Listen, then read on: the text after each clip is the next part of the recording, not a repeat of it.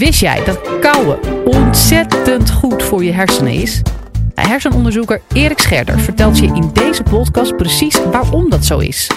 Neem dus snel even iets te kauwen en ga er goed voor zitten als hij ingaat op de vraag: waarom vernietigt vanillevla onze hersenen?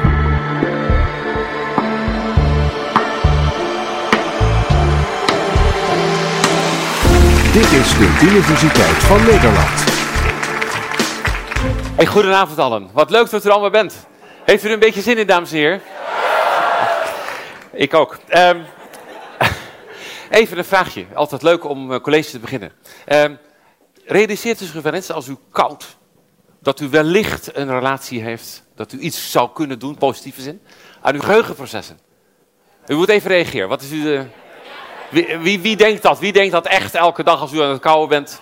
Nou, was ook wel een beetje een tendentieuze vraag natuurlijk. Goed, maar interessant wel, want die relatie lijkt er te liggen. Je moet heel voorzichtig zijn. Causaliteit, u weet of het een ook het andere veroorzaakt. Hè? Dat is altijd nog een stap verder. Maar er zijn hele leuke indicaties dat kouwen en geheugenprocessen toch een klein beetje hand in hand gaan. En dat is natuurlijk ook wel zeg maar, relevant als u kijkt naar bijvoorbeeld onze geliefde populatie ouderen, ouderen met een dementie, maar u kunt ook kijken naar jeugd. Er zijn een paar studies gedaan uh, waarin ze jeugdigen hebben laten kauwen op kauwgum en gekeken hebben of dan hun geheugenprestaties verbeteren. Antwoord was ja. De studies verschenen overigens niet allemaal in Nature, dus je moet even goed kijken hoe goed waren die studies nou. Maar op zich kun je zeggen, hè, je bent een beetje op weg gegaan naar een hele interessante relatie. Uh, andere vraag misschien is, um, en die is best wel een klein beetje confronterend, um, en u moet uit uw hart spreken, dat is altijd het beste. Denkt u dat de mondzorg in Nederland, als we denken aan onze ouderen, ouderen met een dementie, denkt u dat de mondzorg in Nederland er goed voor staat? Gewoon intuïtief zo. Wat denkt u in de verpleeghuizen? Overigens niet bedoeld als weer kritiek op de verzorging en verpleging. Echt niet, want die zijn heilig. Maar ik denk dat het er niet zo goed voor staat. Ik denk dat het kouwen, dat, dat verbaast me altijd. Als je kijkt op de PG-afdeling, de psychogeriatrische afdeling. Eh, ik ben daar s'avonds vaak om een uur of vijf, zes, heb ik ook honger. Hè, en dan denk ik, ah, de etenskar komt voorbij. Hè. Nou, vol verwachting. Kijk ik naar die kar, staat de bak, zitten bakken staan erop. Er staan bakken op. En wat zit er in die bakken, denkt u? Vla en, en pap. Dat begrijp ik wel voor mensen met slikstoornissen. Dat is ongeveer 30%. 70% kan kauwen. En die kauwen niet.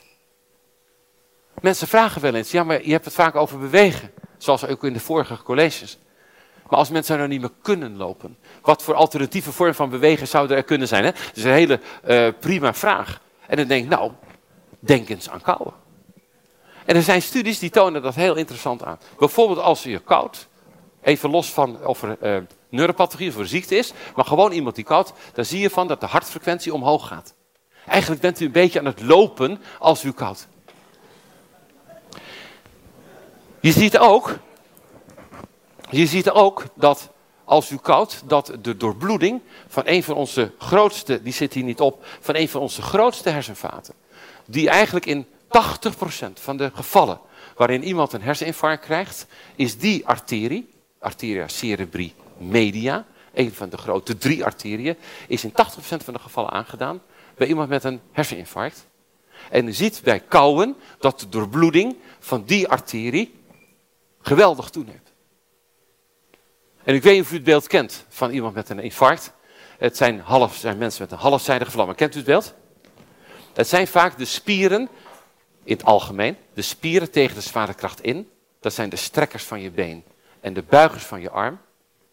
Die ontremd raken. U weet, in het vorige college hebben we het gehad over de remming vanuit het brein op zeg maar, uw totaal functioneren. Dat geldt ook voor die motoriek. Dat lieten we al zien in de motorische onrust. Dat wil ik u hier ook een keer laten zien bij iemand met een infarct. Als een, iemand een infarct heeft gehad, dan zie je eigenlijk een ontremming van de antizwaartekrachtspieren. En dat zijn de strekkers van uw been en de buigers van uw arm. En het klassieke beeld is van iemand die dan, als je nog geluk hebt, zeg maar, loopt op het strekspasme van je been. De arm hangt er in het algemeen een beetje zo bij, is vaak functieloos, zeg maar. Dat is die arterie die in heel veel gevallen is aangedaan. En dat is de arterie die bij kauwen een verbeterde doorbloeding geeft. Voelt u een beetje het belang ervan, dames en heren? Ik had het wat enthousiaster verwacht eigenlijk. Want dit is, dit is wat, hè? want u heeft voorheen nooit gedacht dat kauwen dat kan doen. Nu vertel ik het u en u denkt, nou die man staat een pondje oude kaas te verkopen. Terwijl, dit is wel belangrijk. Hè? Vooral in die populatie, waarin u zich kunt voorstellen, is, heerst grote passiviteit. Daar heerst zeg maar juist niet die activiteit. Als u zich afvraagt, er wordt dus niet goed gekoud in het verpleeghuis. Ehm, dat is zo. Ik kom nog wel eens tegen, even een kleine anekdote, want we willen ook een leuke avond, zeg maar. Ehm, maar een anekdote, en, en, en dat komt best nog wel, wel voor, dat ik bijvoorbeeld naast een patiënt zit, even, een uur of half zeven s'avonds, en maak een grapje. En dan begint iemand te lachen. En u weet, bij die kunstgebitten staat de naam van de eigenaar staat in het gehemelte. Dus ik ben bij meneer en ik maak een leuk grapje. En hij lacht. Mevrouw Hogendijk. Nou, los van het gehakt wat ertussen zit, denk je toch, hoe goed koud dat met dat kunstgebit? Ik hoop wel dat u de seriositeit van de ondertoon steeds blijft volgen. Hè? Want er zit natuurlijk, ik huil wel bij deze verhalen. Misschien nog een, wilt u nog een andere anekdote? ik zat ook naast iemand, s'avonds half zeven. En die man had dat gebit, de bovenkant, had hij op tafel liggen. En hij was steeds bezig dat gebit te passen. Maar het paste niet. Dus alsmaar opnieuw klapte hij dat erin en klapte het er weer uit, want het zat niet. En ik vroeg aan hem, laat het. Niet belangrijk. Maar hij was daar toch helemaal op gefocust, hij wilde dat gebit goed in. Op een gegeven moment, dat duurde en ik kon dat niet goed onderbreken. Ik dacht, ja, ik moet wachten tot het uiteindelijk een keer zit. Hij zei, ik moet naar de wc. Ik zeg, prima. Ik help u mee naar de wc. Ik heb die meneer naar de wc gebracht. Ik denk, wat doe ik? Ik heb dat gebit opgepakt. Ik ben eens door die gang gelopen. En wat hoorde ik in die gang? Stromend water. Nou, ik wil u niet veel zeggen, maar een kunstgebit en stromend water, dat zijn twee dingen die enorm bij elkaar passen. Dus dat is meestal een bakje waar dat, ja, u zit me aan te kijken en denkt, waarom past dat zo bij elkaar? Dat past enorm bij elkaar. Dus ik ging die kamer in en er lag een vrouw in bed, een mevrouw in bed. Mond open, geen gebit. Kraan liep. Kunt u zich een beetje voorstellen, dames en heren? Ik heb dat gebit in dat bakje gelegd, gekeken in de gang. Meneer zat nog keurig op de wc. Ik naar zijn kamer gegaan. Zijn gebit uit het nachtkastje gehaald. Ik weer terug. Kun je je voorstellen? was een, gewoon een hoogtepunt die dag. Hè? Ik heb dat toen neergelegd op diezelfde plek. Ja hoor, aan de toiletdeur. Ik heb opgehaald, wij samen terug. Hij pakte het op. Klak! Zat als een huis natuurlijk. Ik kon gewoon beginnen. Nou het is helemaal niet overgekomen het verhaal, maar ik vond het in ieder geval... Ja, maar u zegt, ja, hoe makkelijk is onderzoek doen in die populatie? Nou ja, goed, dat, dat valt niet mee, want dat kouwen en geheugen heeft dus een geweldige relatie met elkaar. En daar willen we, daar doen we onderzoek naar, daar willen we heel graag naar kijken. Dat kouwen, dat kunt u zich ook nog eens voorstellen, dat kauwen is ook heel belangrijk om voeding, voedsel, zeg maar smaakvol te krijgen. Om voedsel ook van te genieten, zeg maar. Als u eet, dan eet u in principe, vindt u het leuk, u kijkt er naar uit en u wilt ook dat het smaakt. Die hele orale sensatie, zo wordt dat genoemd. Dat wil zeggen, het feit dat als u eet, dat u heerlijk proeft, dat u het ruikt. Nou, dat is natuurlijk al in een setting, in zo'n setting niet makkelijk. Niet om negatief te zijn, totaal niet hè. Maar ik moet ook wel reëel zijn. Dat is niet makkelijk. Maar als u wel weet te bewerkstelligen dat er orale sensatie is, weet u welk deel van het brein hier geweldig op reageert. Dat is hier, als ik het kan weer kan aanwijzen, orbitofrontaal. Voelt u in die hele colleges, komt dat gebied orbitofrontaal steeds weer terug. Of u nou denkt aan bewegen, of u denkt aan muziek, als u denkt aan orale sensatie, dan zie je dat dat gebied hier onderaan frontaal een geweldige rol speelt. Wat zouden we toch kunnen winnen? Hè? Als we met de, als ik het zo mag zeggen, de normale, de zorg die de verzorgende dolgraag zouden willen geven, maar veel te weinig handen. Maar als we nou gewoon weer eens die zorg zouden kunnen aanbieden, dat je dus wel beweegt als u wil bewegen. Dat u wel kunt eten als u kunt eten. En dat u ook vast voedsel eet, zeg maar. En dat het u smaakt. En dat je die orale sensatie, dat dat orbitofrontale gebied, zeg maar, geactiveerd wordt. Het leuke is, want u vraagt zich misschien terecht af. Maar joh, als die gebieden eenmaal, zeg maar, gedegenereerd zijn, er niet meer zijn. wat kun je dan nog bereiken? Maar het aardige is dat juist circuits die hier onderin zich bevinden, in, die, in dat circuit van dat orbitofrontale gebied, die zijn nog relatief lang aanwezig, zeg maar. Het moet wel heel relatief zijn, hè? maar het is niet meteen vanaf het begin al weg. Dus dat geldt ook voor een vreugdevolle benadering. Dus vreugdevolle benadering, eten wat de patiënt smaakt, dat spreekt dus aan op gebieden die hier nog relatief aanwezig zijn.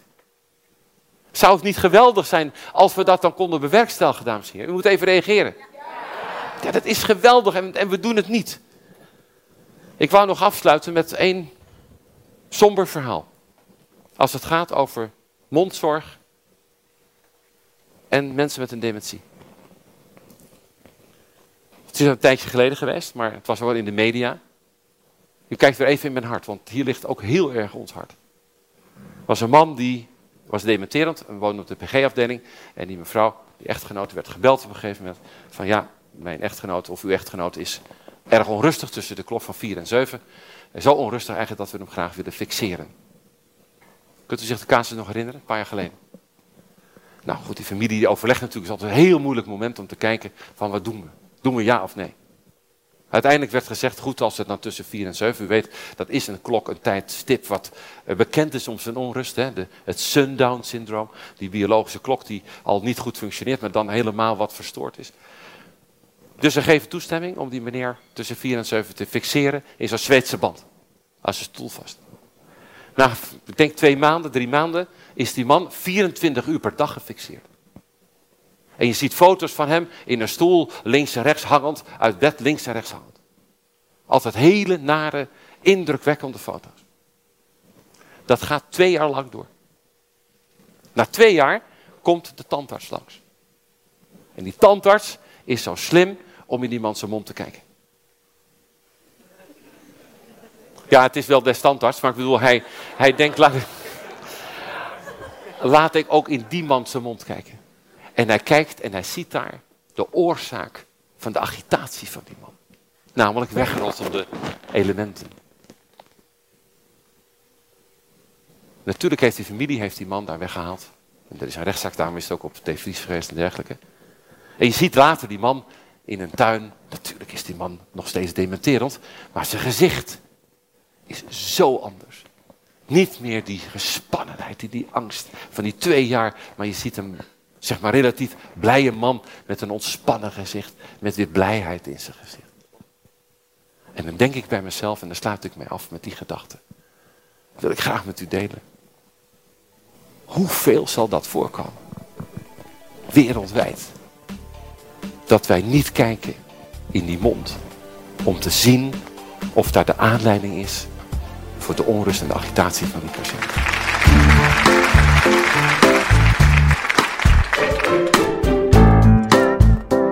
was de Universiteit van Nederland.